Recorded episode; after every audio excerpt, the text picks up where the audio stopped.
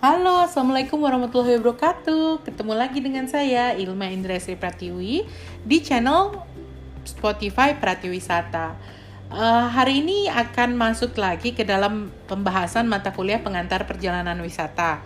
Hari ini saya akan membahas mengenai industri perjalanan dan transportasi. Uh, Materi bahasan pada hari ini itu akan berhubungan dengan uh, bagaimana perjalanan itu berevolusi. Lalu eh, bagaimana dampak ekonomi yang terjadi karena kegiatan pariwisata dan bagaimana mengukurnya. Lalu saya juga akan menjelaskan mengenai sistem perjalanan dan sistem uh, yang terjadi di industri pariwisata. Dan yang terakhir saya juga akan sedikit membahas mengenai uh, transportasi yang berhubungan dengan pariwisata. Bagian pertama adalah saya berhubungan dengan perkembangan kepariwisataan ya. Nah, pariwisata sendiri itu bagian daripada industri jasa. Setelah uh, perkembangan industri ini setelah uh, agraris terus ke industrial lalu pada sekarang ini masuk ke era jasa. Di mana setelah era jasa adalah era informasi gitu. Nah, tourism ini menjadi bagian daripada era tersebut ya, dua era tersebut. Dan pelayanan ataupun era jasa dan pariwisata itu uh, erat kaitannya. Dan pariwisata itu bisa menciptakan banyak lapangan pekerja baru uh, di bidang uh, pariwisata itu dan saat ini katanya sebagai uh, leading ya. Jadi tenaga uh, faktor tenaga kerja yang uh, muncul baru dan hal-hal uh, yang baru itu berhubungan dengan pariwisata dan karena itu pariwisata itu sangat e, berdampak pada perkembangan ekonomi suatu negara dan beberapa negara memang sangat mengandalkan e, perekonomiannya pada pariwisata.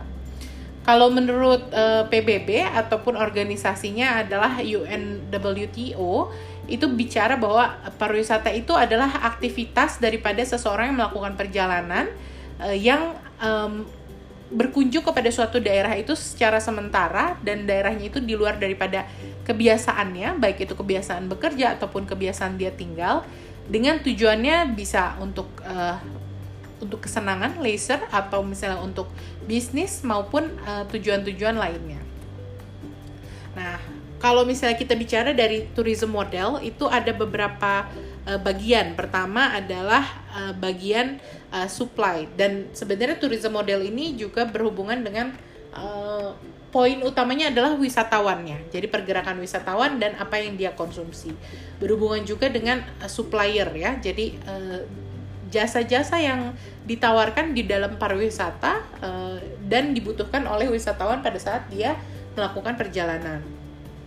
Dan ini juga uh, dipengaruhi oleh hal-hal lain gitu yang um, dalam perjalanan uh, turis tersebut.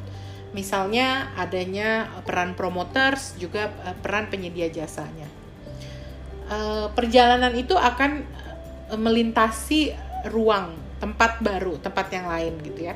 Karenanya uh, dalam pariwisata itu kita juga erat kaitannya dengan ilmu geografi dan yang berkaitan adalah misalnya physical geografi, human geografi, maupun yang berhubungan dengan regional geografi, di mana uh, geografi ini tidak hanya sebatas fisik ataupun uh, tapi sebenarnya berhubungan juga dengan uh, unsur manusia-manusia yang ada dalam satu ruang tersebut. Mempelajari pariwisata bisa juga kita menggunakan perspektif bisnis ya kita bisa lihat dari sisi misalnya pemasaran pariwisatanya atau misalnya kita bisa lihat dari pengelolaannya bisa juga uh, kita lihat dari sisi keuangannya. Dan uh, pariwisata itu juga memiliki tantangan dan peluang tentunya.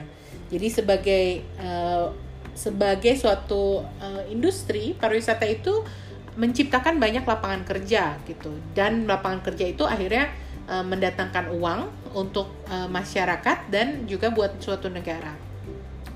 Dan dalam jangka panjangnya uh, kondisi tersebut bisa merubah struktur sosial yang ada di dalam komunitas tersebut.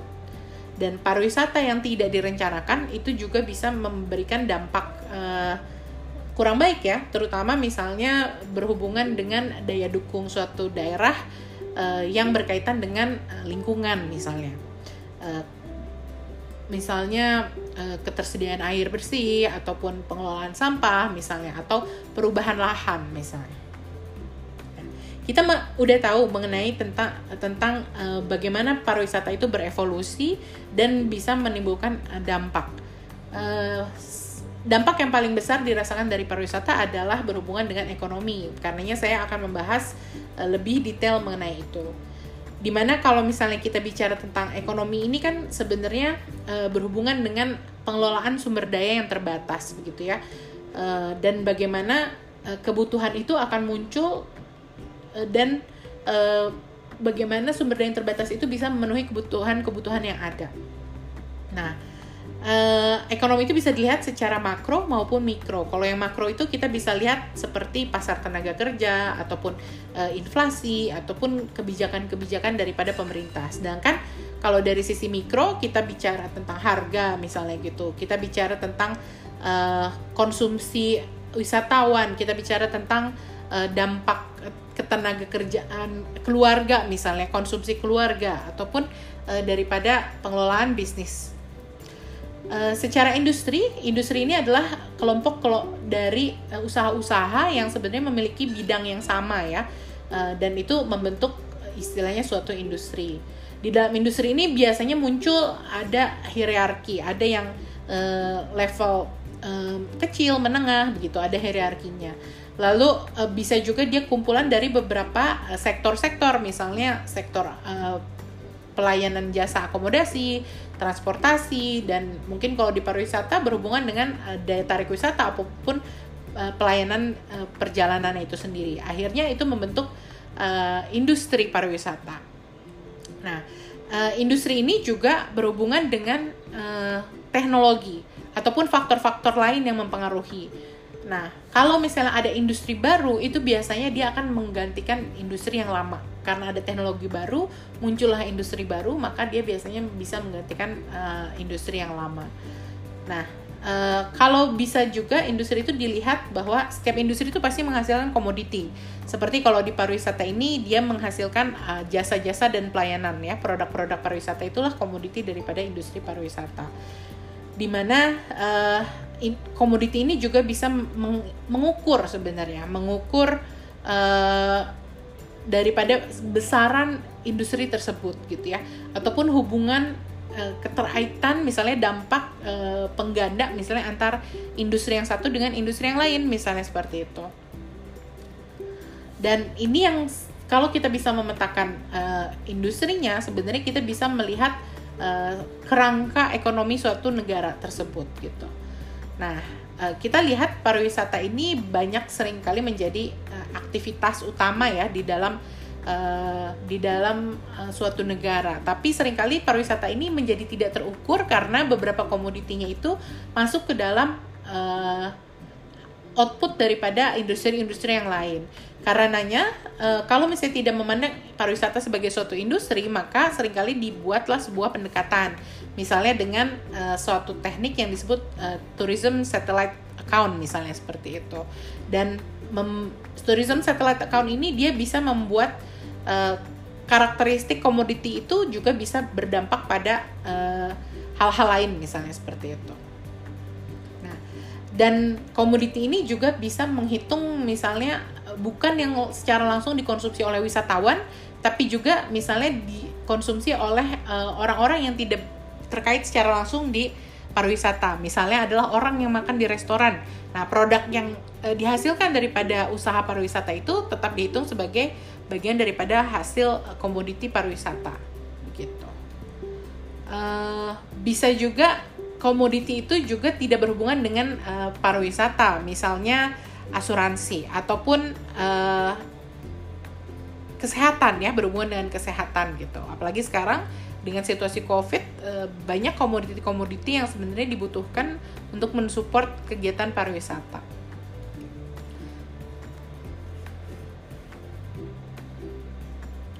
Lalu uh, tourism satellite account itu bisa menghitung sebenarnya mana komoditi yang memang khusus buat pariwisata dan mana yang sebenarnya tidak dikonsumsi oleh wisatawan misalnya begitu. Nah, supaya bisa tahu uh, berapa banyak sih sebenarnya kontribusi ekonomi daripada kegiatan pariwisata di suatu negara. Nah, uh, cara menghitungnya itu ada beberapa ya dampak ekonominya. Pertama adalah menghitung secara langsung, misalnya dengan menghitung uh, visitor spending ya, apa yang konsumsi wisatawan lah. Lalu secara tidak langsung itu juga dimunculkan dengan menghitung uh, pertukaran barang dan jasa yang berhubungan dengan pariwisata gitu. Lalu induce adalah uh, dampak ekonomi yang dihitung uh, misalnya dari apa yang dikonsumsi uh, oleh tenaga kerja pariwisata di masyarakat misalnya. Uh, perhitungan lain itu bisa juga melakukan uh, dampak ketenaga kerjaan misalnya uh, kerjaan yang dihasilkan dari pariwisata ataupun ukuran-ukuran lain misalnya berdampak pada uh, ketenaga kerjaan uh, ataupun pendapatan daripada uh, tenaga kerja pariwisata seperti itu. Ataupun nilai-nilai uh, yang muncul karena adanya kegiatan pariwisata. Misalnya uh, tipping seperti itu. Ataupun misalnya dari kenaikan harga tanah misalnya seperti itu. Ataupun hal-hal uh, yang berhubungan dengan uh, kesejahteraan yang dihas yang didapat daripada penyelenggaraan kepariwisataan itu sendiri. E, dampak ekonomi lain juga dirasakan oleh pemerintah ya, di mana pemerintah ini e, dia e, mendapatkan pajak dari penjualan, pajak daripada e, bangunan, pajak daripada pendapatan, lalu mendapatkan e, untuk urusan izin-izin penyelenggaraan bisnis misalnya gitu. Mendapatkan uh, pendapatan dari visa gitu ya pengurusan visa misalnya seperti itu dan pendapatan lain dari daya tarik wisata yang memang dikelola oleh pemerintah kalau secara mikroekonomi yang dilihat memang uh, peningkatan nilai dan juga peningkatan aset begitu ya bisa dimunculkan misalnya dengan uh, perhitungan consumer surplus atau opportunity cost atau economic rent ataupun perhitungan uh, public goods gitu ya. Jadi barang-barang yang dimiliki publik perkembangannya. Juga perhitungan pajak. Secara garis besar kita sudah bisa memahami ya bahwa apa itu industri pariwisata. Nah, tapi sebenarnya karena yang tadi saya bilang bahwa ada overlapping antara komoditi industri pariwisata dengan industri lain, misalnya dari industri perjalanan. Nah, industri perjalanan ini uh, sama seperti pariwisata, dia mencakup adanya supply, adanya intermediaries. Misalnya supply itu bisa berhubungan dengan transportasi, akomodasi, yang lain-lainnya, itu industri uh, pariwisata. Tapi kalau misalnya industri perjalanan itu sebenarnya sifatnya lebih luas dari industri pariwisata karena dia mencakup lebih banyak motivasi perjalanan, termasuk motivasi perjalanan yang bukan untuk wisata, misalnya memang uh, kereta api gitu ya kan dipakai bukan hanya buat wisatawan tapi juga dipakai oleh masyarakat untuk uh, berpindah untuk melakukan perjalanan. Nah hal-hal inilah yang sebenarnya kadang-kadang menyulitkan kita untuk menghitung uh, kontribusi pariwisata di suatu daerah. Nah keterkaitan industri perjalanan dan industri pariwisata tadi kita lihat bahwa adanya uh, faktor supply ya dari beberapa usaha misalnya sektor uh, perjalanan, sektor transportasi, uh, sektor uh, atraksi wisata, sektor uh, hotel misalnya gitu dan hal-hal uh, lain misalnya konsultan, terus uh, informasi segala macam. Lalu uh, saat ini muncullah uh, intermediaris dengan adanya tour operators dan travel agent baru bisa mengakses ke turis begitu. Nah, Uh, tadi kita bicara tentang travel system, bagaimana sebuah industri perjalanan itu bergerak, di mana di dalam industri perjalanan itu berhubungan dengan sektor transportasi, berhubungan juga dengan uh, yang melakukan distribusi ataupun intermediaris tadi ya, uh, juga berhubungan dengan pemangku kebijakan ataupun uh, pelaku industri lain. Gitu. Nah, di sisi distribusi, distribusi ini ada travel agent, ada travel supplier, ada juga uh, website ya online travel agent seperti itu. Lalu uh, pemangku kebijakan itu bisa pemerintah pusat, pemerintah daerah uh, itu bisa uh, bisa ber, berbeda-beda dan itu semua punya dampaknya masing-masing. Lalu public sector organization misalnya berhubungan dengan organisasi-organisasi publik yang berhubungan dengan transportasi gitu ya asosiasi-asosiasinya Dan untuk industri transportasinya sendiri biasanya terbagi dari beberapa moda sesuai dengan uh, misalnya moda uh, per jalan ataupun uh, di air ataupun di udara ataupun uh, di melalui kereta seperti itu. Nah, kalau misalnya pelaku industri lain itu bisa berhubungan dengan industri penyewaan kendaraan ataupun asuransi misalnya. Nah, kalau misalnya industri pariwisatanya sendiri itu bagian daripada industri perjalanannya di mana di dalamnya itu ada sektor-sektor usahanya masing-masing. Misalnya usaha berhubungan dengan uh, akomodasi, berhubungan dengan uh, event, berhubungan dengan uh, pelayanan perjalanan, berhubungan juga dengan uh, yang lain ya. Dan ada distributor juga sama. Jadi hampir sama. Terus sebenarnya ada hubungan antara yang melakukan supply dan intermediaries itu.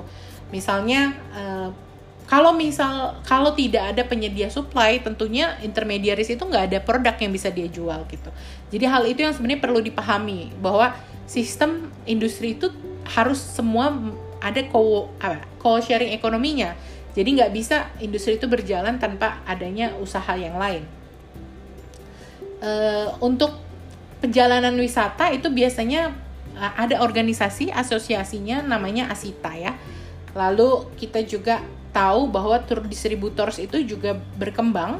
Misalnya saat ini ada MJ Holidays, ada Traveloka, adanya pagi-pagi.com juga misalnya seperti itu. Nah, tourism agencies ini adalah uh, agen kepariwisataan yang sebenarnya bisa mengelola suatu daerah ya, dan dia juga bisa melakukan uh, menjual paket-paket wisata tersebut gitu. Kalau misalnya di Singapura kita kenal misalnya Singapore Tourism Board. Lalu usaha yang lain itu berhubungan dengan uh, penyedia jasa uh, event dan MICE gitu dan Eh, hal-hal uh, ini juga uh, ada ada pengaturannya tersendiri dalam industri tersebut. Lalu uh, uh, yang memiliki uh, ya pemangku kebijakan ya, misalnya uh, siapa yang kalau di kita ada dinas-dinas misalnya seperti itu dan itu yang membuat aturan-aturan dalam penyelenggaraan kepariwisataan suatu daerah. Pelaku industri lain misalnya uh, industri yang berhubungan dengan makanan misalnya gitu ya lalu uh, seperti asuransi juga berhubungan. Nah bagian yang terakhir pertemuan kali ini adalah berhubungan dengan uh, transportation business gitu di mana kita tahu bahwa perjalanan itu berubah gitu ya yang tadinya orang uh, berjalan pakai kaki terus berhubungan dengan uh, menggunakan binatang, terus menggunakan kereta, lalu muncul uh, mesin uap akhirnya menggunakan kapal dan lalu berhubungan dengan uh, mobil, ada penemuan mobil dan akhirnya penemuan uh, pesawat terbang gitu. Jadi semua itu ber, uh, berubah. Yang tadinya berjalan itu mungkin uh, perjalanan itu lebih lebih lama ya. Semakin uh, kemajuan teknologi transportasi semakin uh, berkembang juga gitu dia uh, perjalanannya. Lalu tipe-tipe transportasi dengan masing-masing uh, energi, misalnya energi minyak. Uh, sekarang juga ada yang pakai batu bara ya, itu yang lama. Terus pakai gas. Lalu uh, sekarang yang baru-baru berhubungan dengan nuklir dan hydro, jadi tenaga air gitu per ininya. Uh, tren lain itu adanya uh, perjalanan itu berubah ya karena tadi kita lihat bahwa perjalanan itu berubah unsur-unsur lain beberapa isunya adalah uh, isu di mana uh, orang akan mendapatkan uh, lebih daripada hal yang berkurang misalnya muncul moda-moda transportasi yang uh, low cost carrier atau justru uh, orang sekarang mau pergi uh, dengan harga lebih mahal tapi ternyata kendaraan ramah lingkungan gitu. Jadi itu muncul. Lalu tren lain adalah orang pergi-pergi akhirnya hilang. Konsepnya bahwa ada isu sustainability yang sebenarnya membuat beberapa orang saat ini mulai sadar gitu bahwa adanya sumber daya yang terbatas sehingga ada orang akan lebih bijak lagi dalam melakukan perjalanan. Uh, dan pada saat melakukan perjalanan orang akan punya uh, ekspektasi yang uh, cukup tinggi di mana uh, berkaitan dengan kualitasnya dan pelayanan selama perjalanan tersebut. Nah, pentingnya transportasi di pariwisata adalah karena pariwisata itu tidak mungkin terlepas dari yang namanya perpindahan gitu ya. Perpindahan itu akan melibatkan perjalanan dan perjalanan akan membutuhkan uh, mode transportasi, aksesibilitas gitu dan itu menjadi sangat penting sekali gitu. Lalu kualitas daripada perjalanan itu juga akan mempengaruhi uh, kepuasan wisatawan di suatu negara ya, suatu destinasi wisata. Elemen-elemen daripada uh, transportasi sendiri itu ada yang namanya uh, jalur, lalu ada yang termasuk kendaraan ataupun termasuk Eh, terminalnya itu bagian daripada elemen transportasi termasuk pada sistem komunikasi yang digunakan untuk mengelola seluruh sistem transportasi itu dan uh, efisiensi kinerja daripada uh, pekerja di bidang transportasi. Jadi hal-hal itu yang sebenarnya perlu dikelola untuk uh, bagaimana unsur transportasi atau accessibility ini menjadi uh, baik gitu. Dengan ukurannya mungkin tadi ya total quality management itu. Mode transportasi seperti kita tahu ada beberapa macam dan uh, tadi ya eh, unsur daripada kualitas ya yang dilihat orang dalam memilih mode transportasi itu ada beberapa. Misalnya uh, variabel yang menurut dia penting adalah batas waktu jarak uh, status kenyamanan ataupun keamanan ataupun dari sisi benefit rasionya harga uh, karena posisi geografis atau uh, kompetisi antar uh, moda. Jadi misalnya orang akan memilih menggunakan kereta karena beberapa hal, misalnya safety gitu, ketimbang dia menggunakan uh, mobil misalnya gitu. Nah, uh, pengelolaan keamanan itu menjadi penting termasuk uh, di transportasi. Nah, kita juga tahu ada uh, beberapa organisasi yang memantau keselamatan, terutama untuk perjalanan yang beresiko misalnya dengan menggunakan pesawat terbang. Kalau kita tahu ada yang namanya IATA. Nah, IATA ini dia mengontrol bagaimana uh, kualitas uh, mode transportasinya. Lalu uh, dari sisi profesional yang mengoperasikan alat transportasi tersebut dan juga jam kerja yang membebani si uh, pelak uh, yang mengoperasikan pesawat, eh, mengoperasikan uh, mode transportasinya.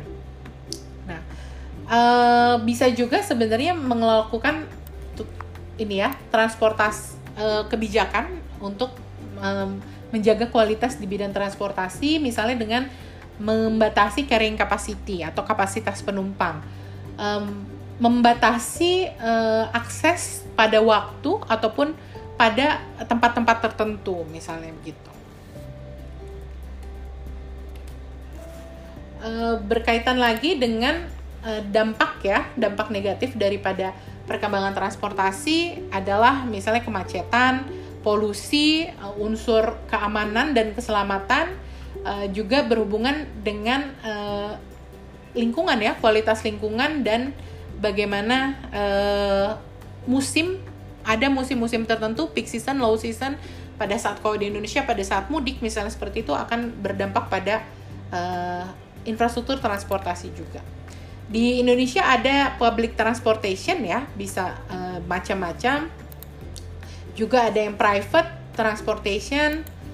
Lalu uh, pengelolaan semua tadi sebenarnya tadi yang saya sebut adalah total quality eh, management. Dan saat ini muncul beberapa cara-cara uh, pengelolaan dengan menggunakan uh, teknologi informasi. Misalnya uh, menggunakan teknologi uh, jaringan WiFi misalnya seperti itu, di mana uh, sudah bisa mengirimkan sinyal antara kendaraan dan rambu-rambu uh, misalnya gitu, dan itu memberikan informasi yang bisa uh, dikelola dan bisa membuat decision making lebih cepat. Uh, itu bisa itu disebut dengan intelligent transportation system gitu ya dengan itu kita bisa tahu misalnya kapasitas uh, parkir misalnya gitu atau uh, di mana tempat terjadi kecelakaan lalu akhirnya uh, terkoneksi dengan kebutuhan ambulans, pemadam kebakaran misalnya ataupun polisi gitu dan orang udah tahu ada kecelakaan akhirnya dia bisa menghindari uh, lokasi tersebut. Nah, uh, ke depannya ada juga perkembangan uh, transportasi ini adalah autonomous vehicle ya. Jadi kendaraan-kendaraan yang memang sudah uh, dioperasikan tidak dengan uh, supir begitu. Lalu tren ke depan adalah perjalanan wisata ke luar angkasa untuk melihat bumi misalnya seperti itu. Ataupun kendaraan di atas air ya.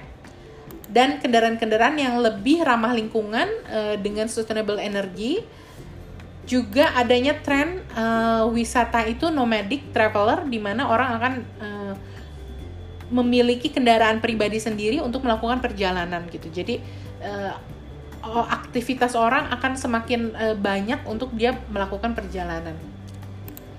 Dan yang terakhir ternyata memang hal-hal uh, tersebut terjadi ya di sekitar kita gitu. Itu sudah ada gitu kita lihat mobil listrik sudah ada, lalu uh, beberapa kendaraan di perkotaan seperti skuter ataupun segway gitu ya muncullah di negara-negara dan di kota-kota utamanya gitu motor listrik dan penyewaannya. Oke, uh, sekian pertemuan kali ini untuk industri perjalanan dan transportasi. Uh, terima kasih untuk waktunya uh, mendengarkan uh, Spotify saya. Uh, semoga bisa membantu uh, proses belajar kalian di rumah masing-masing ya. Kalau ada pertanyaan silahkan dilayangkan ke ilma.indriasri@upi.edu. Uh, sampai ketemu nanti di sesi-sesi selanjutnya. Terima kasih.